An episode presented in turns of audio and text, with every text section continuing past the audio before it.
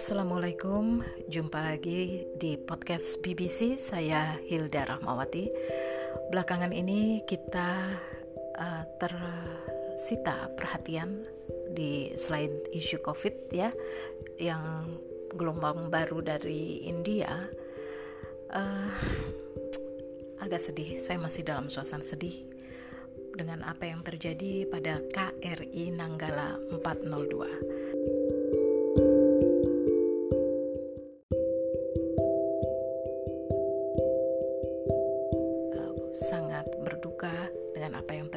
Pada salah satu kapal selam kebanggaan Tentara Nasional Indonesia Angkatan Laut ya.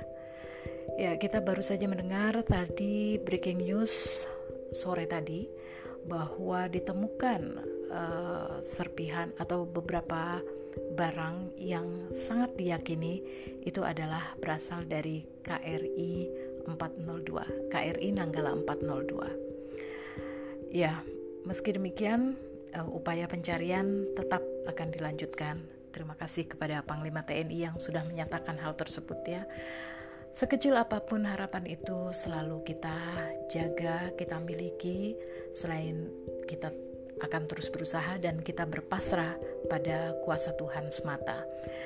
Namun uh, kali ini yang ingin saya angkat atau saya bagikan kepada teman-teman adalah apa sudut pandang suatu media penyiaran dalam memberitakan sebuah berita bencana yang cukup shocking saya rasa ini? Karena ada 53 orang di dalam kapal selam yang sedang berlatih sebenarnya. Itu adalah latihan perang dan tiba-tiba setelah beberapa saat beberapa jam setelah izin untuk menyelam uh, lost contact blackout dan dugaannya memang kapal selam tersebut uh, masuk ke dalam palung yang cukup dalam sekitar 7000 meteran ya. Kita tidak bisa membayangkan apa yang terjadi sesungguhnya di sana.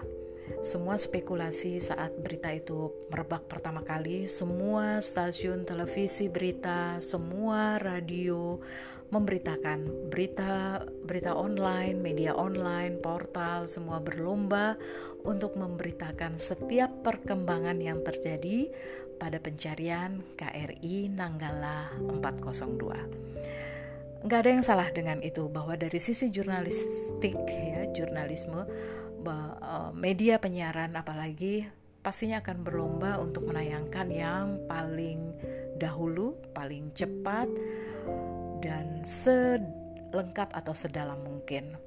Tidak hanya dari proses pencariannya semata, tapi pada sisi side story juga yang menyertai peristiwa ini.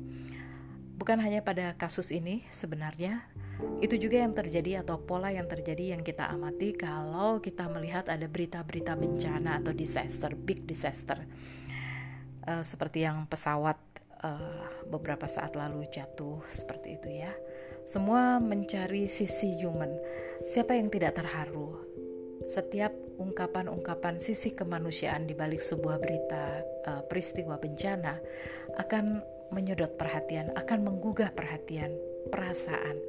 Namun kemarin itu sempat sebelum uh, ada berita bahwa ditemukan barang-barang yang diduga dari KRI 402, ada uh, imbauan dari Kepala Staf TNI Angkatan Laut yang meminta kepada seluruh media untuk tidak terlalu mengejar-ngejar keluarga para prajurit dan awak ada di kapal selam tersebut ya. Karena apa? Kadang-kadang berita yang ditampilkan, ditayangkan yang maksudnya untuk menggugah atau mendapatkan uh, sisi humanis di balik sebuah story berita gitu itu sangat menyakitkan atau bahkan tidak dipikirkan dampaknya terhadap psikologis uh, orang yang diwawancari atau keluarga dari para korban. Ya, kita sangat menghargai itu. Memang menjadi PR banget kalau kita atau para awak media ingin menyiarkan atau mengungkap sisi-sisi kemanusiaan di balik bencana meng menggali sedalam mungkin it's okay tapi jangan mengeksploitasi kesedihan atau kemalangan orang lain. Mungkin itu ya pesan yang ingin disampaikan dari peristiwa ini dan juga bencana-bencana lain yang uh, bertubi-tubi rasanya.